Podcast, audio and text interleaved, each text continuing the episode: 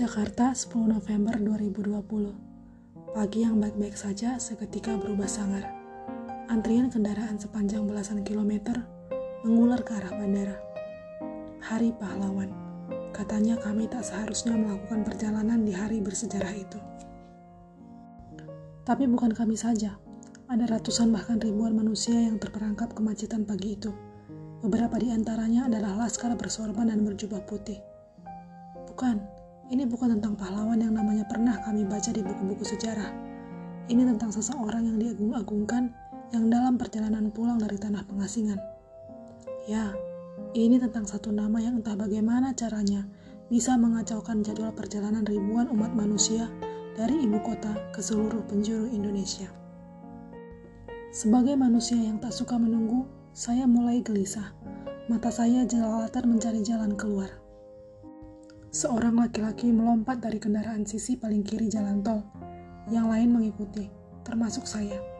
Berbekal tiga lembar tiket perjalanan dan hasil rapid test, saya ikut melompat keluar mobil, menyeberangi kali, mendaki jalan yang terus menanjak, hingga beberapa menit kemudian tersandung satu pertanyaan. Mas, mau ke mana? Suara saya mengusik langkah laki-laki yang berjalan persis di belakang. Cari ojek ke bandara, Jawabnya tanpa sedikit pun mengurangi kecepatan. Saya pikir kami hanya perlu berjalan kaki. Tak ada dompet atau uang sepeser pun terselip di kantong. Mendengar jawabannya, ingin rasanya memutar haluan dan kembali ke mobil. Tapi bagaimana kalau lalu lintas sudah lancar lagi? Hanya ada satu pilihan, terus berjalan membuntuti laki-laki lain di depan. Ia menyeberang menghampiri sekumpulan pengemudi ojek tak ada yang berani mengantarkan sampai ke bandara. Sampai lampu merah saja ya. Terhimpit waktu, ia tak menawar harga. Apalagi saya, di kepala saya hanya ada secerca harapan semoga ia berkenan meminjamkan duitnya nanti setelah turun di lampu merah. Sepanjang jalan penuh sesak kendaraan yang nyaris tak bergerak. Semakin jauh, semakin banyak jumlah laskar bersorban dan berjubah putih yang berlalu lalang.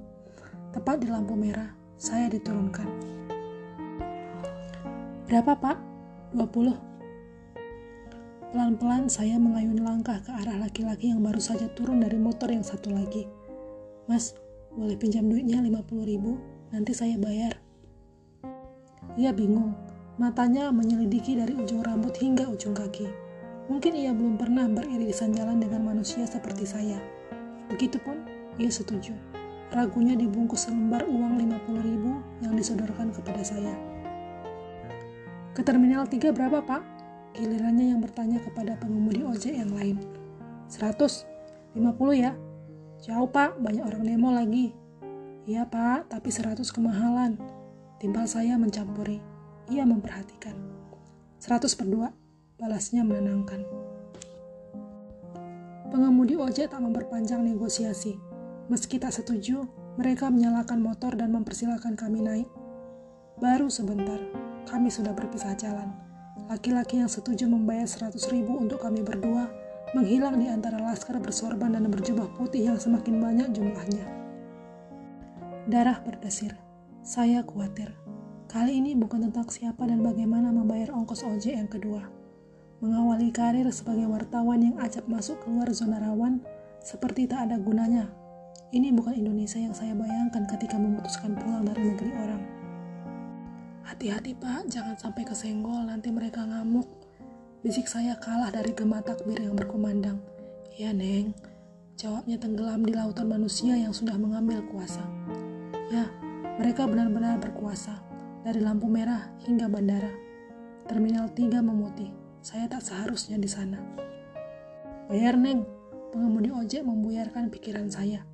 Saya cuma punya ini, Pak. Gimana sih? Ya maaf, Pak. Harusnya teman saya yang bayar. Ya udah, kalau gitu telepon temannya bilang dia sekalian bayar semuanya. Saya bahkan tak tahu namanya. Seandainya bisa, saya akan mencari wajah yang masih tergambar jelas di kepala saya. Tapi tak mungkin, saya tak berani. Hari itu, saya hanya ingin lari dan bersembunyi. Apa boleh buat? Pengemudi ojek yang belum mendapat respon apa-apa sudah lebih dulu menghilang. Atau mungkin ia menjelma petugas berseragam yang serius memantau kerumunan. Dengan langkah seribu, saya berlari mendekatinya dan menanyakan arah terminal keberangkatan dengan nama maskapai yang tercetak di tiket. Naik eskalator dua kali, di sana ada bus ke terminal dua. Sayang, penjelasannya yang terdengar meyakinkan tak sesuai kenyataan. Tak ada apa-apa di sana kecuali beberapa kelompok manusia. Semuanya tampak gelisah. Mata mereka menatap jauh ke depan. Seolah ada gunanya, sebentar-sebentar mereka mengangkat tangan dan memutar pergelangannya hingga terpampang jam berikut menit dan detik pagi itu. Sebuah taksi tampak melaju dari kejauhan sebelum kemudian berhenti di depan segerombol bapak-bapak bertubuh bongsor. Mereka berempat, tak bisa diangkut sekaligus. Tanpa diskusi panjang lebar, mereka pun sepakat berbagi. Dua berangkat lebih dulu, dua lagi harus menunggu. Secepat kilat saya menyambar pintu belakang. Pak, saya boleh numpang? Setelah itu, kami tak banyak bicara kecuali soal arah tujuan perjalanan yang ditutup dengan pertanyaan lain. Pak, saya boleh pinjam duit 50 ribu? Berbeda dari hari-hari biasanya, pagi itu supir taksi tak mau repot dengan kalkulasi tarif berdasarkan jarak dan waktu tempuh. Hitungannya sederhana saja, setiap orang harus membayar 50 ribu. Tak ada yang keberatan. Bapak yang duduk di samping saya bahkan tak perlu mengajukan pertanyaan balasan untuk paham kenapa ia harus mengeluarkan dua lembar 50 ribu. Satu untuknya, satu untuk saya.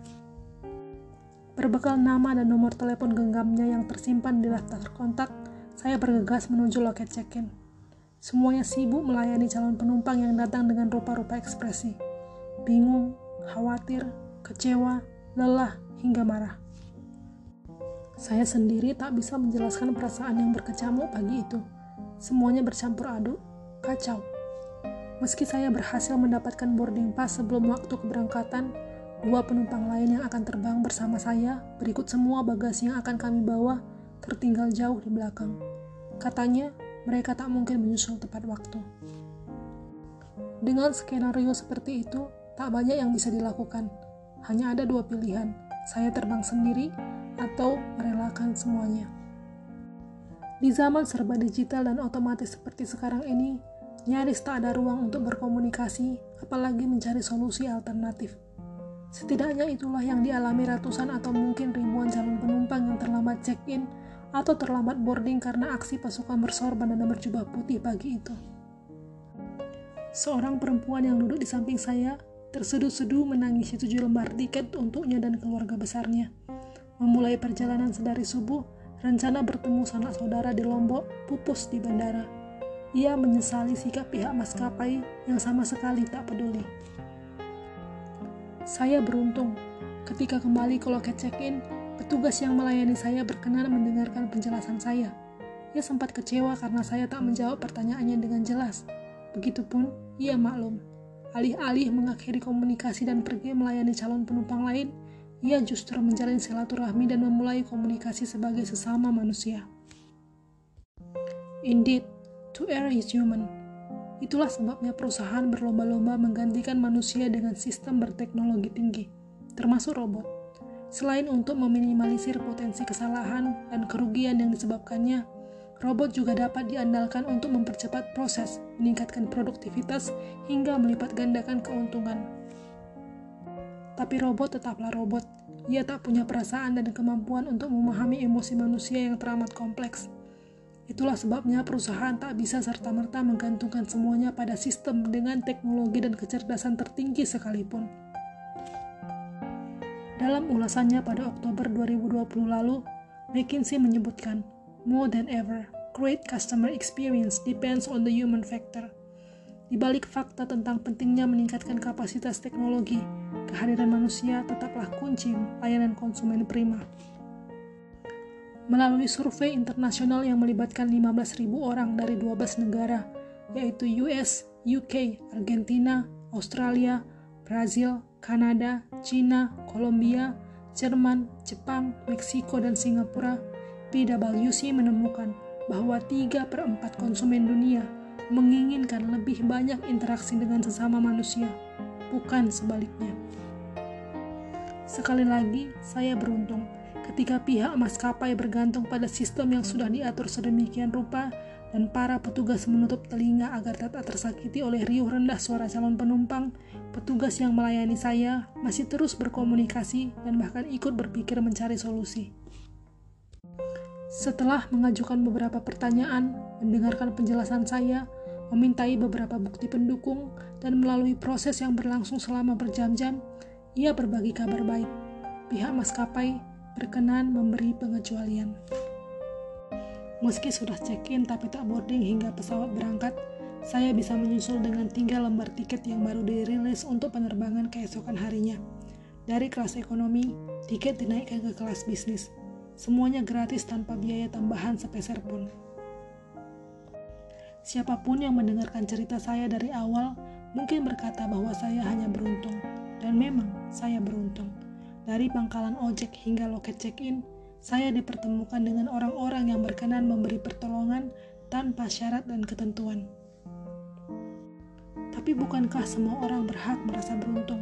Konsumen, nasabah, pelanggan, penumpang, atau siapa pun yang sudah lebih dulu membayar harga untuk produk dan jasa yang mereka butuhkan juga berhak merasa beruntung.